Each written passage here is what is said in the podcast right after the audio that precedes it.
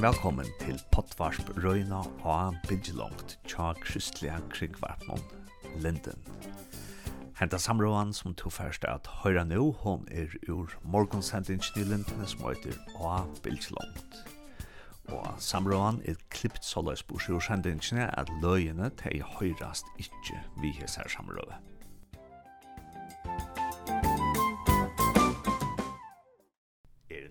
til en bøy som heter Lillestrøm.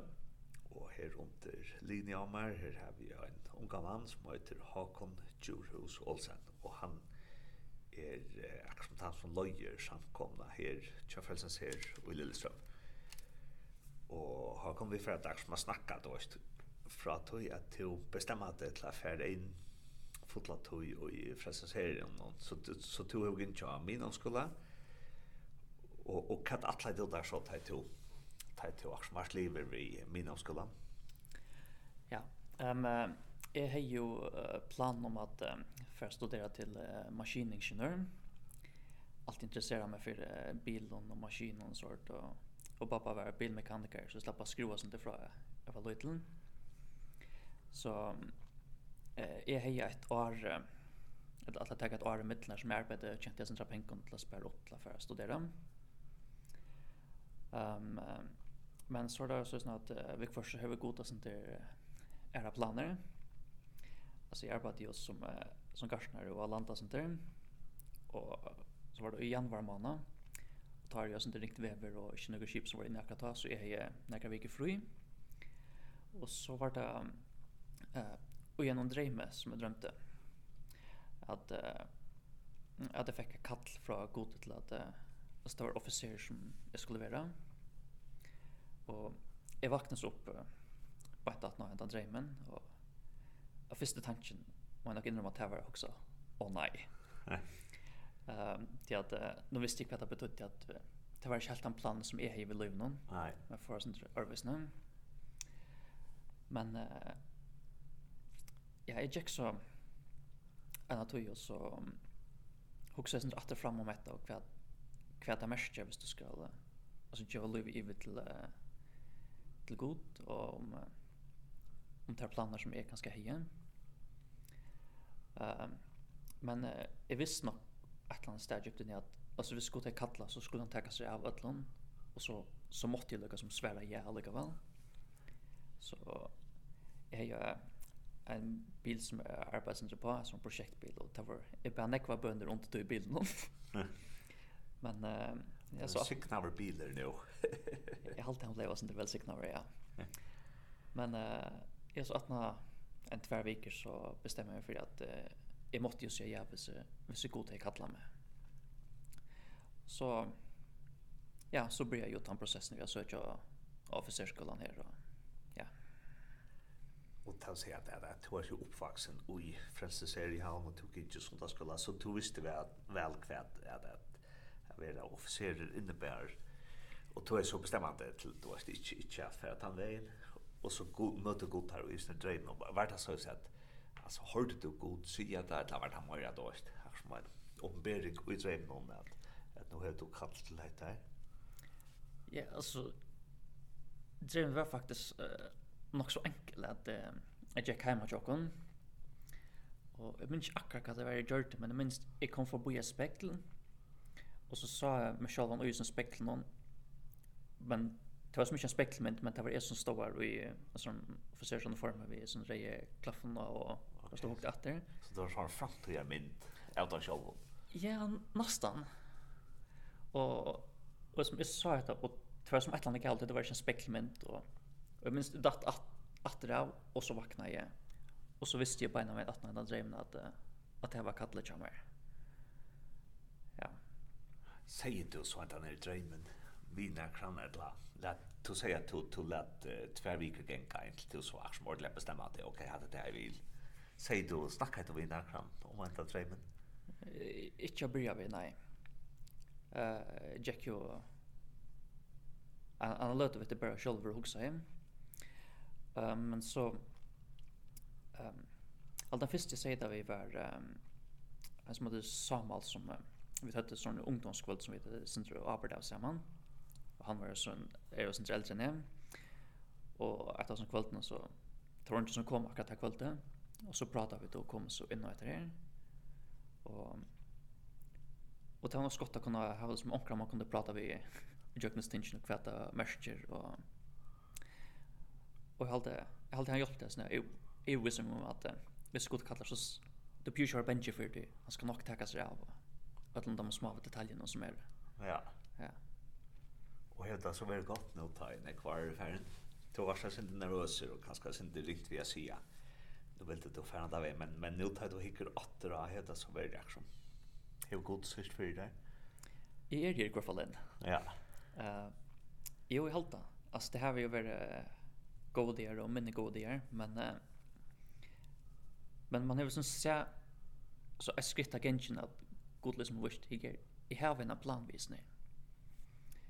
Alltså min första dagen tar är kom av skolan och där var livet så att hem om kvällen så öppnar jag bibeln som var men också sen så vad är det jag låter mig ut nu.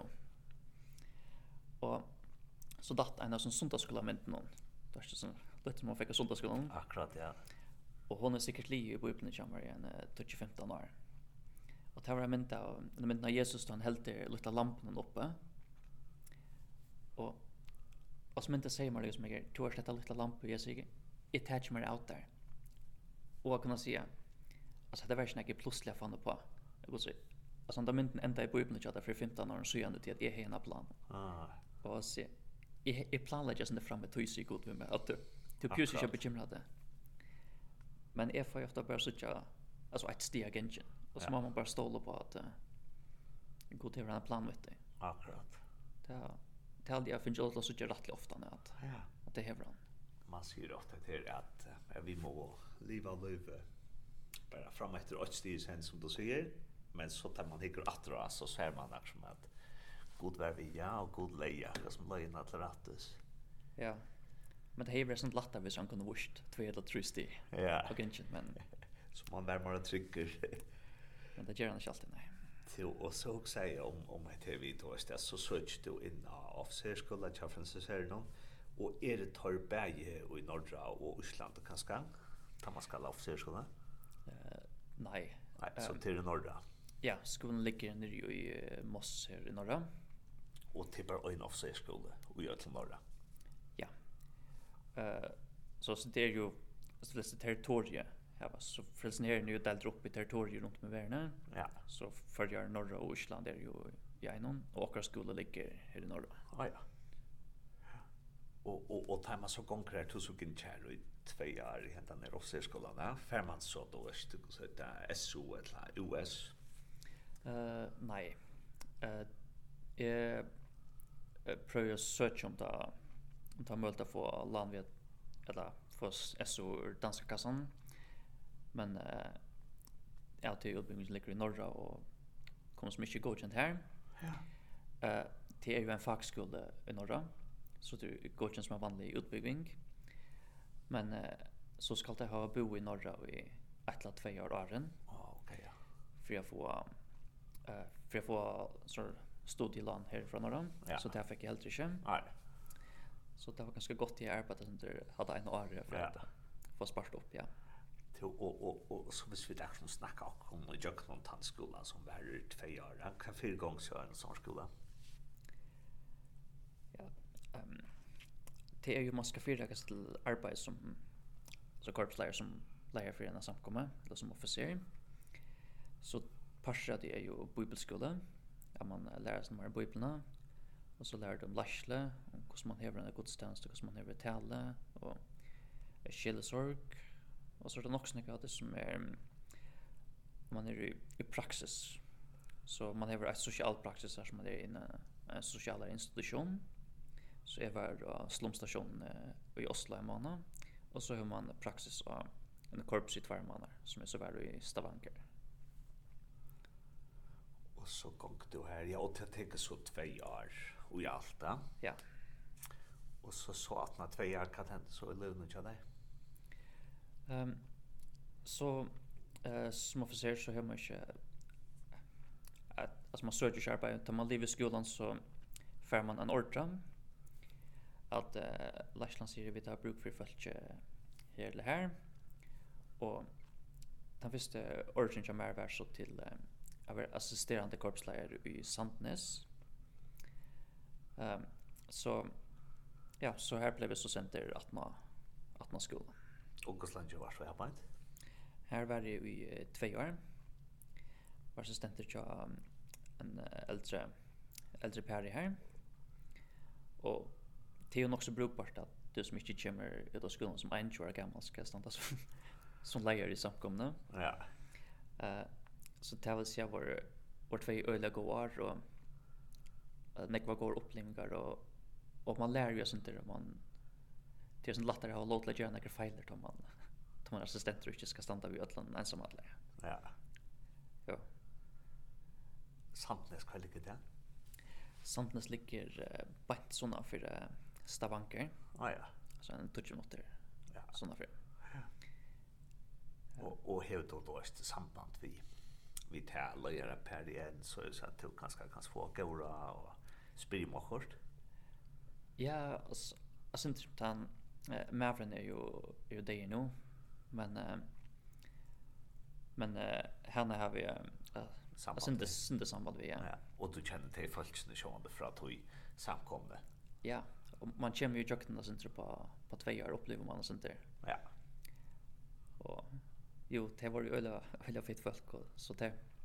Och där man ju inte samband vi. Men det är ju så att man man känner ju flytta nog så ofta när så mamma är sen kunna se okej okay, nu är lever här så mamma gör att mycket folk kan alltså det blås. Ja. Och som inte hänger att nå. Ja. Så man bor ju inte med så man har inte samband vi vi omkring men men det är ju så god den ekna. Nej. Du och så har du varit här i två år och så var du så center här på ett Lillesröm. Hur så gick det här för sig? Fäckst du så å vite att okej, nu er det tog Tja, det här för vad gör det? Hur fungerar det?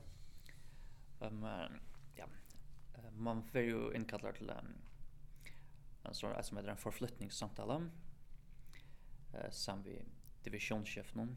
Det är han som är arbetar av en, en större område i landet. Ganska sin som en biskoper. Um, och så tar man som uh, hur så gånger hur man trivs och om om man är hovflyttad eller inte och og jeg snakker ikke Lashland forresten her i hever. Og så eh, har man jo, jeg synes sett ned dagen at natt så får man jo vite eh, hver der man skal være, være senter, eller man skal være verande.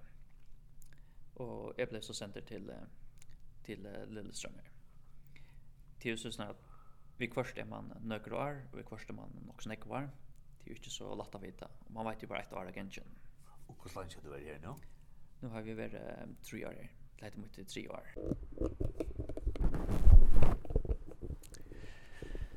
Ja, og er så kommet inn her og i samkomna her og i Lillestrøm, og et er, ja, et øyelig flott høle, spilte nøyt. Uh, heter høle Hakon, jeg heter Nødjebygninger, ja? Ja, vi flyttet inn her i august i fjør, så hette er nok så spilt nøyt. Det er da. Og det er ganske sin stort til det her, at du som nødger, du, du slipper akkurat som mynta etter steg og være vidt til at bytja steg opp. Ja, det, det var bare en utfordring og en sånn spennende oppgave. Uh, vi hadde jo et hus sånn langer nere og hjørnet som står blått hjem. Um, og så fikk vi jo et um, tilbud om at um, Så jag har varit öle stort firma som att bygga blockar och diver allt detta stora område i Jokon. Om att eh, där kunde köpa eh, områden som våra gamla samkommala. Och så fick vi ett eh, hetta nutja byggningen att det fyra. Eh, och våra byggningen trångt i att lapla skifter ut han var gammal och nysliten. Så det det finns ett öle gott eh, tillbud på Så vi är ju alla så nyaste etagerna i, i som blocken nok snakk større og finner enn hva det, hva det var da er. Og det er at to varst, to varst, altså tvei år i samkomne til han vær ut i gamla. Nei, jeg kom bænt 18 år jeg begynte at å bygge, så det huset var rivet nye. Så vi leie jeg til en her pinsekirke, altså langt nere av venen her. Så her er jeg kontoret i en container på en åttafra. Og, men det var öliga fitt och hjälpsamt. Det är inte så att fingrarna, alltså det som lejer inte tajmon. Men eh, det er jo sånn at de har ikke sett hus och og utgjøkne korona og arne så akkurat det har vært en sånn där utfordrande att in. Tog det var altså det er öliga deilt å kunne komme inn her til til dere ekne og ja, jeg føler liksom nå kan man ordentligt komma igång til vi vi arbeider etter Ja, og så tenkte jeg vi färra akkurat som at, at gänga rundt i hølen där og så för att förklara hva det er inni hølen og så får vi da snakke om hva er tiltak er jo jo Jokno Vikna ut av noen forskjellige hølen Så så nå er vi, ja, kommer inn og i gansk ned, og her stender en gammel uh, ståltromma, vet du det, sa Ja. Ja, han den her er jo, jeg vet ikke helt hva han fra, men uh, hon ser ut til å ha noen år, år altså. Det er ganske godt at de ikke mynda nødja, man her har sindra søv, jeg minnes hver man kommer fra. Så, ja. Og så ja og så er det nokker uh, stor, uh, altså några hö kafébor, og her er uh, kaffemaskina og koppar så så så er ett heavy bruksmas har hva skal man kallar det velkomsthull, i ett laxart. Eh ja. altså det er jo bare hvis folk kommer sånn til tullja til møte eller sånn til 18 og arrangement i verger. Så er det funnet det at uh, folk stekker sånn til å prate, man er sånn kjent ved folk. Og så er det jo i kvart så kommer det jo folk inn i horna som har bruk for å prata sånt til hett og hattar. Så det er godt at det er sånt til det føles sånt der velkommen til man kommer inn der. Og her anker sart, hva sa det, sart, størst kjelte, ja, er, er hetta nekka, Alltså är det här, här ständer allt möjligt då, här ständer Lilleström och så ständer fällskap behandlingstunet, samfunnspåvirkning, strikkekafé, musikk og kultur, så er dette akkurat som då er spesifikt for tikkene her og i Lillestrøm, eller er dette bare sår som hunker og i nekven frelsens her samkommen? Hette er gjørst akkurat lokken, hette er jo altså, kjøldre tjokken, vi er rikva av åren av om hva frelsen herren er for nekka. Og frelsen her er jo øyne ikke forskjellige ting, Så somt av oss er det som samkommer tjokken er. Og så har var vi jo, altså det som heter behandlingstunder, så som rusavvennings, en sånn bøndager som det var, her som folk kommer til rusavvenning, som ligger sånn langere borster her. Vi tar var jo um, sort uh, badna ungdomsheim, fretex og andre ting som er her. Så hette bare for at jeg falt ikke, en liten smakke på hva frelsene herren er.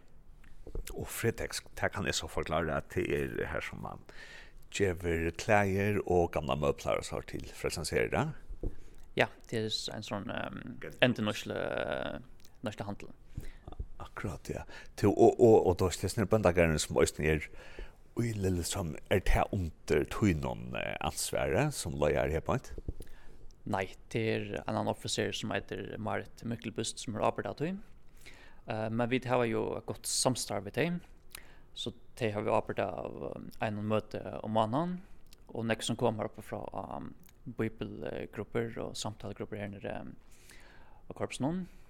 Og så er det video, altså det her oppe, det handler jo nesten om at folk skulle få et nettverk, da det er LIO her, og nek, flere som er kommet herfra er så blivende soldater og tilhører i samkomne etter till och kanske visst du är hjälpt mig att förstå det så så så det kallar som man kan vara hur så det man har tillhörsförhåll till franseseren och så kan man bli soldater ja. Kan det månaderna som tar en barn eh ja. Jag vill tillhöra till bara man bekänner att liksom hette mot kristna hem den uh, samkomman av frälsen här ner till och att uh, att man uh, alltså är kristen och tror på tror på det samme og kjenner seg atter i misjonen til frelsene her noen.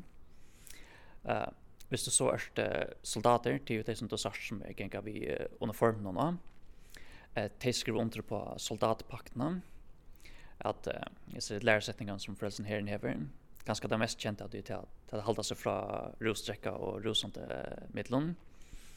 Uh, det er jo så det er de som er soldater, det som er tilhører, skriver ikke under på, på disse tingene. Mm.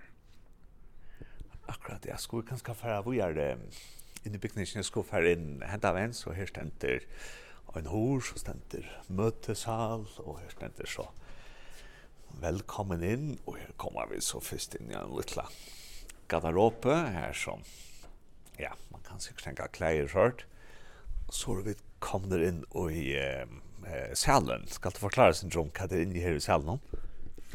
Ja, Alltså här har vi ju mötessalen här så det var möter sånt där under uh, stora arrangemang.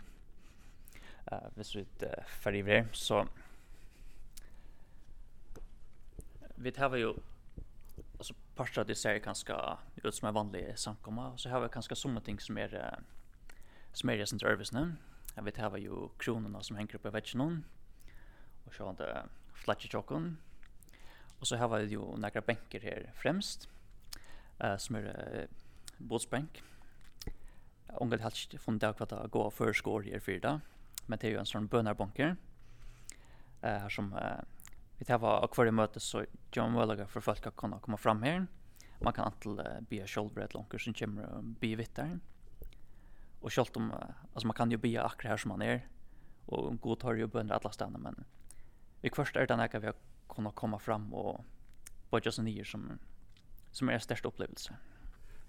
Och och hatt här her sender tradisjonelt ut man är hattar då är nykörst och så att om han har rösten samma design. Är det noe som görs till dette höll eller kommer dette ganska fra til gamla byggnaden? Nei, dette kommer från det gamla. Arvagos. Akkurat.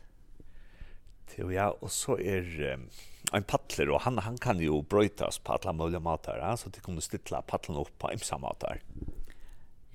Det vi tar ju också till ju nog snack forskjelligt och ims som händer här i i just Jakon. Eh så nu är han ju sett upp så som vi det här var en vanlig söndag.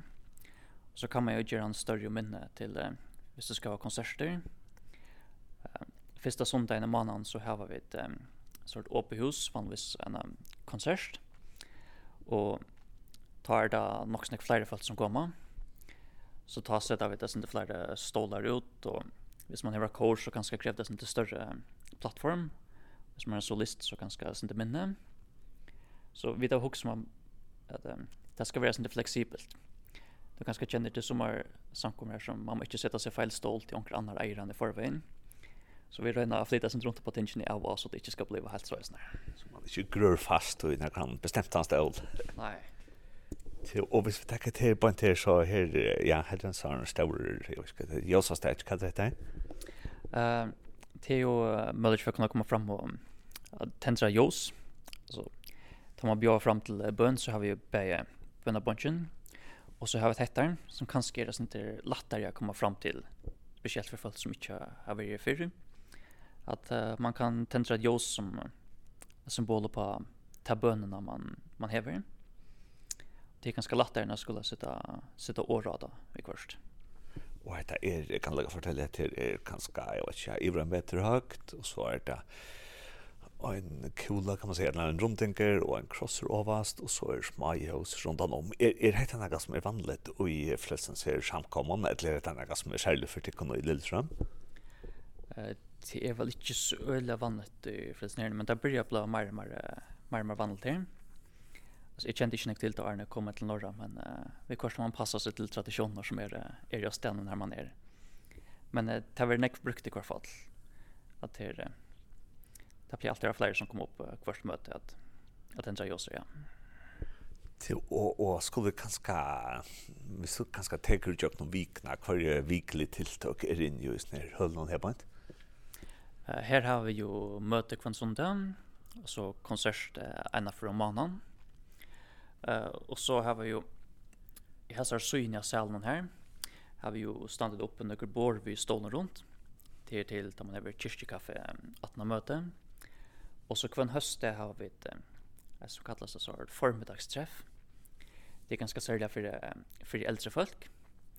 Här så vet samlast man har möte man kanske omkring spännande gäster som kan fortälla till från ting som är sin armina tog som som intresserar till folk som är här. Eh, vi syns sen samman hör godt ord och så äter man samman. Eh, som jag har fått till på at det är ju en äldre som är sånt där enslig. Och ta är vi kanske en 20-30 som samlas där kvar vecka.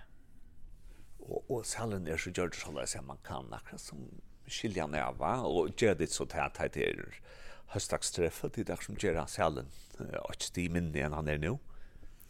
Eh ja, vi kvarstår det annars så har vi det som ofta sätter uppe till att alltså vi ligger ju av göten i vår och här står för en vinter som man ser ut och som man ser in i jöknen så fast ganska så tjocka vid vid det är som vi ganska så tjocka vara vi först och det är det är flera som har kommit in till att det är så att det så så hon har alltid ute inne.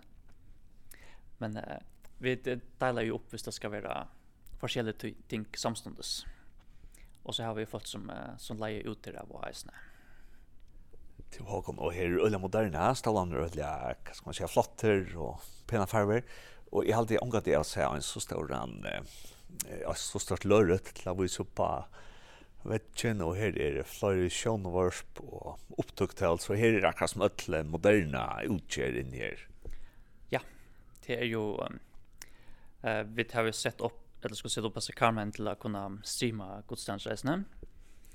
Uh, nu har vi inte kunnat haft gudstjänst under corona. Alltså här vid det ju väldigt öliga strängt vi har först haft ett halvt år där som vi inte kunde mötas. Så har vi haft gudstjänst och bara streama där eller lagt det ut av nätet. Och det var ju att det är faktiskt något som som man inte skulle tro var intresserad som är intresserad ju det. Och vi tar så att vi tar att det kan vara gott potential att kanske inte lagre terskela kom in och hitcha efter en gudstjänst jag net någon än det är att uh, möta upp här första för. Så det är något som vi får att uh, jag fortsätter som vi framöver. Jo ja, och eh och tajt så sitter och det möte som där är det så morgon ett lär där om kvällen att lära sin dreams fra frälsans ser som kommer till en ära alltså det imsa stannar jag till imsa tojer. Ja, vi tar ju klockan klockan 11 här. Eh det är ju det som passar för det för falschen jocken. Men eh, det varierar sånt från stad till stad. Men allt de flesta stannar jag har varit där. Jag har varit klockan 11. Ja. Och det är klockan 11 sånt där och så är det inte något annat tilltag sånt där. Helt jag förresten ser det nog. Nej, det är bara alltså ena från månaden har vi ju um, eh så konserten om kvällen men men annars har vi bara ett kvant som det, Ja. ja, och ska vi kanske få lite och kom. Vi är i byggnadsnamn och Her er uh, flotta gardiner og flotta farver. Er det denne hagen som du, som du lykkes med stedet for å velge farver og sånt? Vi tar helt visst noen folk i samkomne her som er sin det bedre på seg tingene enn er det. Ja. Og jeg halte til å komme øyne vel ut av oppgavene. Så her har officeren lykkes med helse vekk og lett uh, de som er bedre til å velge design og farver, det er så slappen fra meg Ja, og så kommer vi ut at her etter velkom i hull her på en. Og her er det så, ja, sånn, her er toilett, her er en, en, en stor køker, ja, som gjør det døsne døvra og så har mat inn her. Ja, så vi tar jo, um, altså, ja, mäter har ju hemma samkomma och særlig förresten her nå, där det jo. Så at när första møte har vi jo kaffe og kakor att annan. Det att det er gott om man sätter sig nye og prater med folk och man känner sig inte hemma. Det är inte bara en uttryckna horna. Och så har vi ett av förmiddagsträffen. Vi tar ju mätutdelning ena för månaden till dig som, de som inte har råd till mät. Uh, så ta, har vi ett en sorts kafé och gör sin mät till, till dig.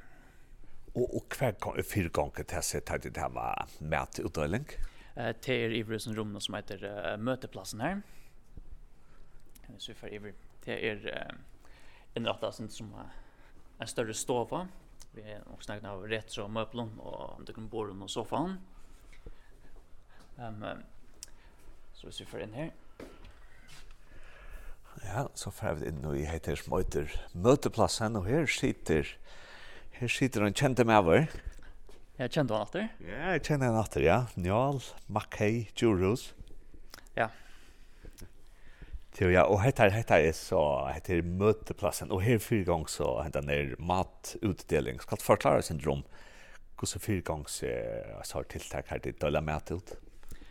Ja, alltså vi tar ju vanligtvis upp en från månaden til det. Så folk kommer her till IMS folk som har rusproblemer, som uh, detta jøknes i allmänna systemen och som uh, har vi köpt på på så Så til sånne forskjellige ting, enslig for syrkjere. Uh, så tek vi inn her, så har vi et uh, sånt der latte med en kopp av kaffe, og alt de onker som er tøy å sette oss ned og prate sånt der. Det onker som har hodet bare hentet mat, mat på seg, og så er det onker som har bruk for å sitte og prate sånt der. Uh, og så kommer det inn her, og i vi ved synet så velger jeg det sånt att tøy maten vi har her. Vi får fra fra handlån og fra det som heter Matsentralen nere i Oslo, som vi så deler ut.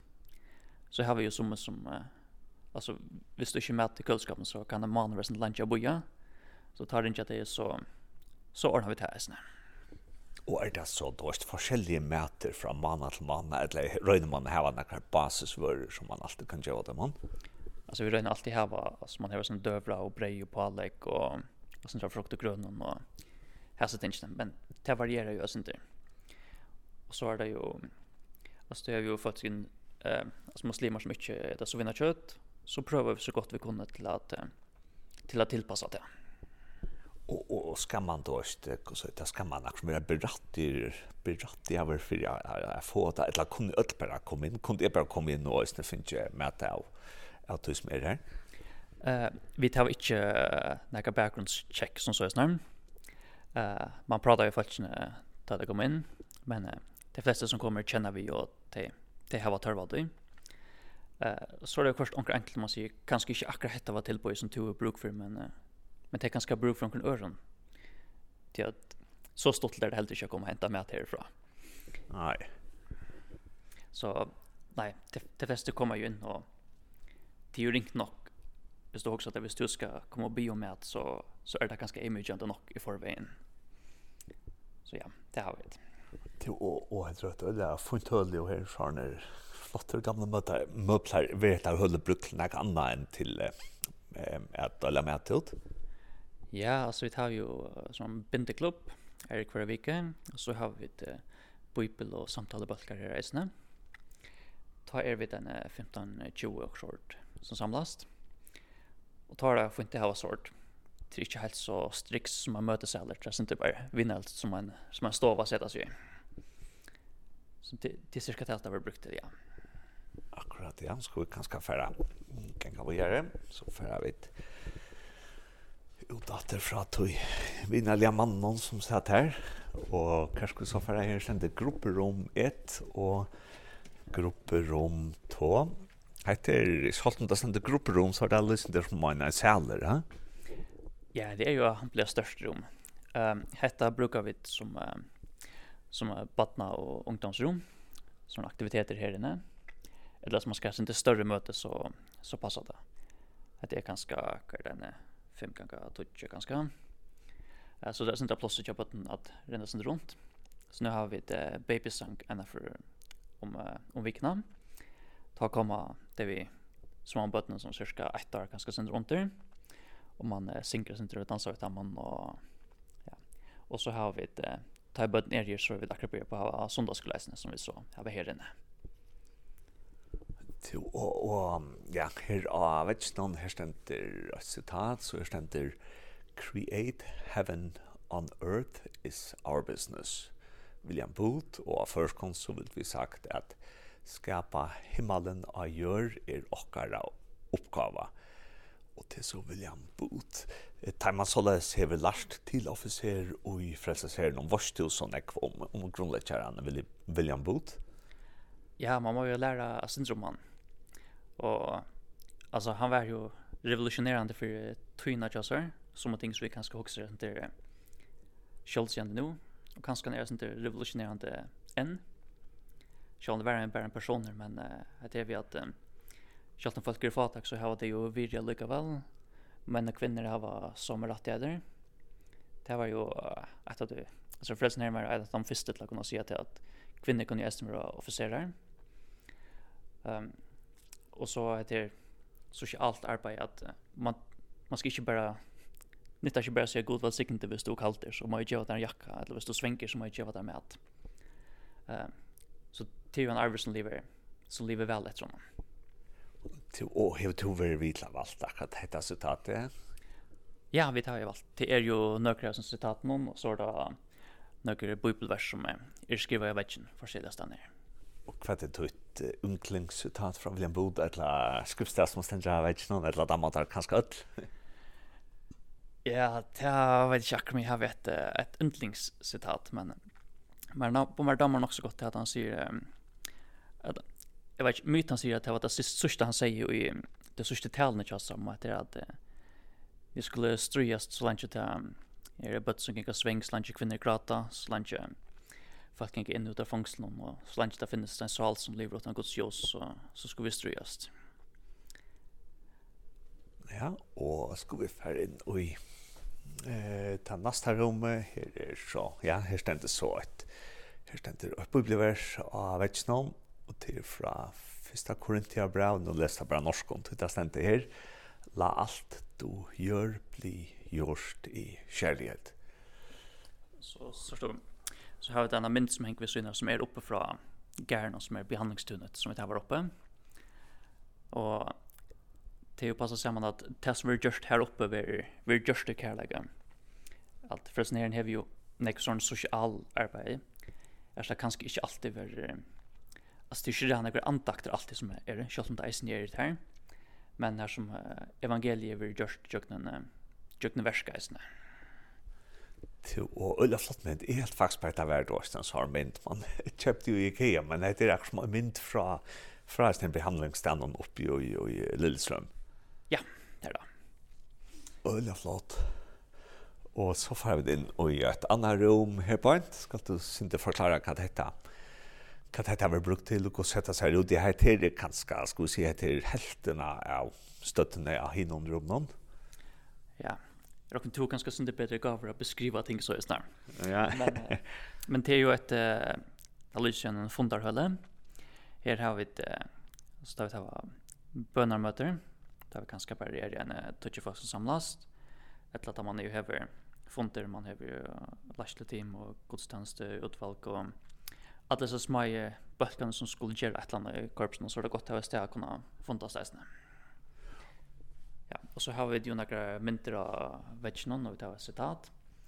Här har vi ett citat från Catherine Booth som säger att eh, hvis vi vill förbättra framtiden så måste vi förstöra nutiden. Så kan vara gott att man blir mynter och att vi eh, lägger planer och har funter här. Och så har vi ju tvärmynter. Det ska ju symbolisera ungdomsarbete.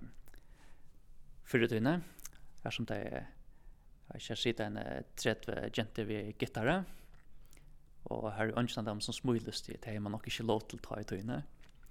Og så har vi et, en bølge ungdommene fra, fra nutøyene.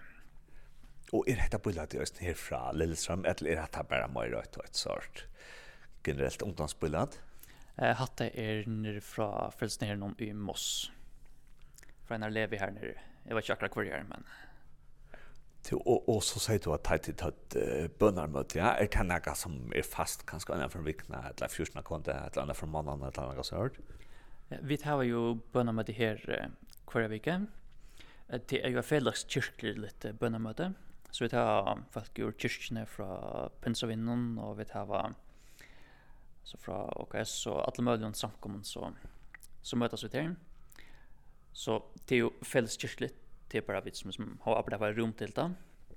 Och jag hade det gott att man vid kors kan visa till att vi stannar samma som kyrkvid. alltså vi, vi, arbetar, vi tar samma arbetsgivare som man ska se det så är snarare til å, å nå kjenner jeg et som heter TC, som er så hardt uh, midtlemkirkelig. Det er til vel ikke TC? Nei, uh, det er bare... Av vanlig uh, fellagskirkelig på en måte? Ja, det er ikke... Det er ikke noe offisielt organ som, uh, som styrer det. Nei. Nei.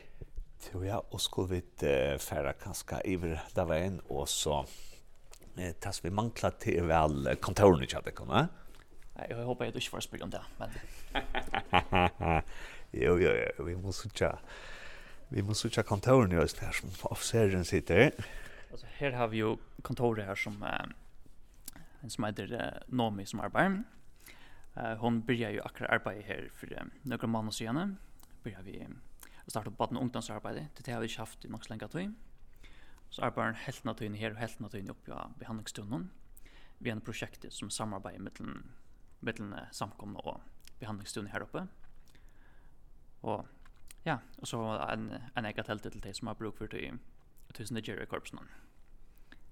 Annars så har alltid det rätt nog så vanligt standardkontor. Eh, Og så færa jeg inn til uh, det mest avhåndste jeg har gått, som tog ikke at jeg var sammen, men tar man over en mikrofon, så kan man alltid trusta seg. Så er det det aller heiligste, så vet jeg ikke hvordan ærlig skal gjøre det. ser ut. Nei. Um, her er jo uh, Poulsen kommer. Så her sitter jeg og arbeider, jeg har kontorarbeidet gjør. Og så har vi jo nærkere stålar her inne til det är som man ska ha några samtal med folk och alla som eh kanske inte ska vara så öle offentlig så kan det vara gott att kunna sätta sig i kontor och och korridorerna efter det här. Til å hette så kontoret tja, da røynet du så då da se till kvann gjerans det er kanskje mittelen klokka mot 20 tror tro i det er sin forskjellig etter anpakk for oppgavene. Ja, altså, det er jo ikke akkurat kontorarbeid som jeg har. Um, men uh, jeg røyner jo arbeid som er her nere. Det, det er jo ikke, det er jo ikke et 8-4 arbeid. Og Hvis man tenker det han visste så ble det nok så kjøtt et 4-20 arbeid. Så i røyne, hvis jeg har arbeid, så gjør jeg det her nere som oftast. Uh, men altså, det er jo talersk og fyra gaster som drar rockenskapet og e-poster, telter og sånt som skårnas til. Uh, men annars så er det jo vi er ute og hava møter, man skal vidja folk og takka seg folk her og her. Så jo, er jeg synes at du her nere, men, men det som oftast, jeg røyner ikke av alt for negativ inn i kontoren.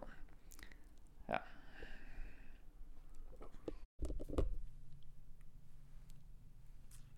Vi tar oss veldig en sånn rundtur, og i hessner, ja, fantastiske høllene her, og ja, flott høller, gode høller.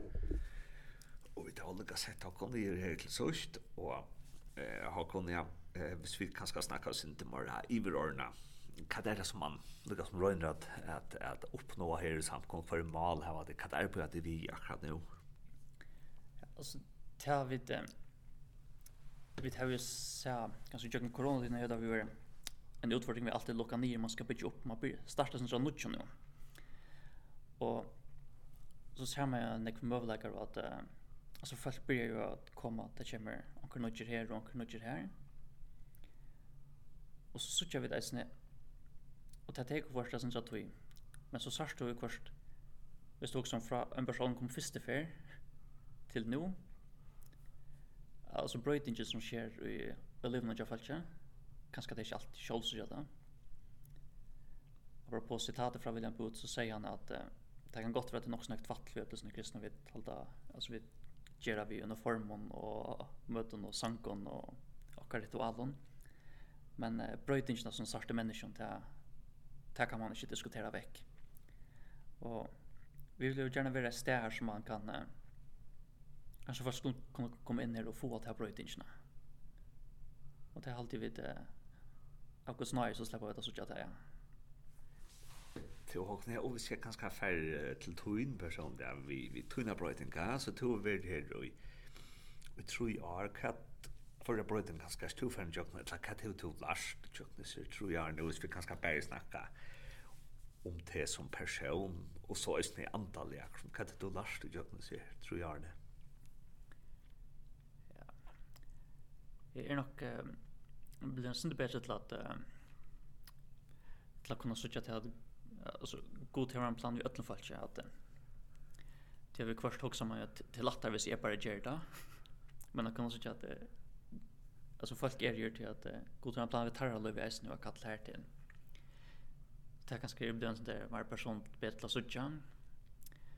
Och så till att uh, så jag har ju sen ringt för att kunna stå på god att börja vi att uh, att ska kan gå väl.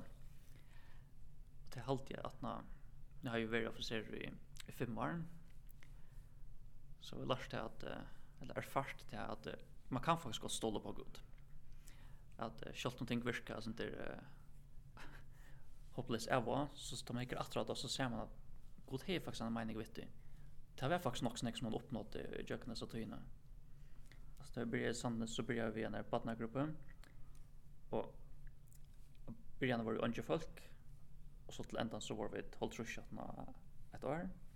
Jeg visste ikke hva som folk kom fra. Det var ikke det vi gjør det ser det godt arbeid men god sendte folk uh, av banan her så gjør det sånn at folk som, uh, som kom inn at uh, når man gjør folk att betyda något och ta med jolla grytnar som til strandar så ser man ta man delar ut folk at han har at hvordan snäckta människor og gudsi. Altså tingene som er sånn meningslös av vad som strøkene og jøkene, det er jo faktisk en mening og at uh, alltså jag god skriver med ståle på meg, jeg har styr på det bara ger till en parst skal jeg ta meg av resten og og og har til att jag ser til at det viskar sen kaotisk at corona det har varit för jag kunnat leva väldigt eller kaotiskt där og og kanske just när det törst relativt onker så så så. Så det var kanske väldigt näst som har varit törst och för sig det men helt det så last att att törst kommer ju att gå till väldigt där ja och självt man sett en kontor i en container vi en parkeringsplass her i Brö og och inte kunde ha møter eller något så ut. Så visste godt at han sendte noen folk i fra lucka og Alltså han kan ha inte opp her, for att vi ikke kunne ha møter. Så var god god å lukke av. Ja. og hvis vi snakker om så läs her i Lillesholm. Hur ser du trives det att att vara her i Lillestrøm? Jo, jeg har faktisk trivs det öliga väl Det er jo öliga nekve god fitt folk. Um, og samkomna er øyla god til å takke mot det folk. Så nå er ikke folk komme. Det er takkar folk som har vært årene, som har arbeidt ved sånn. Og altså, man føler seg heima da man kommer her. At uh, du plutselig som ikke ganger i flere år enn du har slett en av åkken. Så det har følt det slapp jeg være på en av veien her. Og bare det her gjør jo det som er motiverende om man, om man er ute arbeid, man uh, man ständer i. Så jag tror det är så väldigt det. Kanske dra meningar god och sent mer. Men hvor vet. Jo, det er det absolut. Du, og, og, og framtiden, kan jag också att det så som framtiden? Det Och sti sen. Ja, ja, jag kanske lärt inte se allt från kom fram till att jag vill se se också nu så visst det ser helt helt skevt. Jag vet det ska vara här i kvartfallet lättare att säga att Eh men uh, kvar som händer att något att jag god vet vad händer att något. Ja, jag får säga där stora tack för det har kommit till Rosalsam med det slapp att intervjua det där. Och jag får simpelthen enda vi att jag har vers på bibeln. Så jeg har funnet et vers her som heter Matteus kapittel 4, vers 9. Og her stender, og Jesus sier vittar, fylg meg etter, så vil jeg gjøre at jeg kom til manna fiskare. Amen. Amen. Takk for det. Hetta potvarspe vær ein samrova som var teaching ur einar morgonsending i lendene. Og her som til lustar etter hesson pottvarspenon kan ska Spotify eller Apple Podcast. Her kan stå finna nekvar ærar slukar samrover. Men herfra vil jeg bare kjattar ein gåan dag.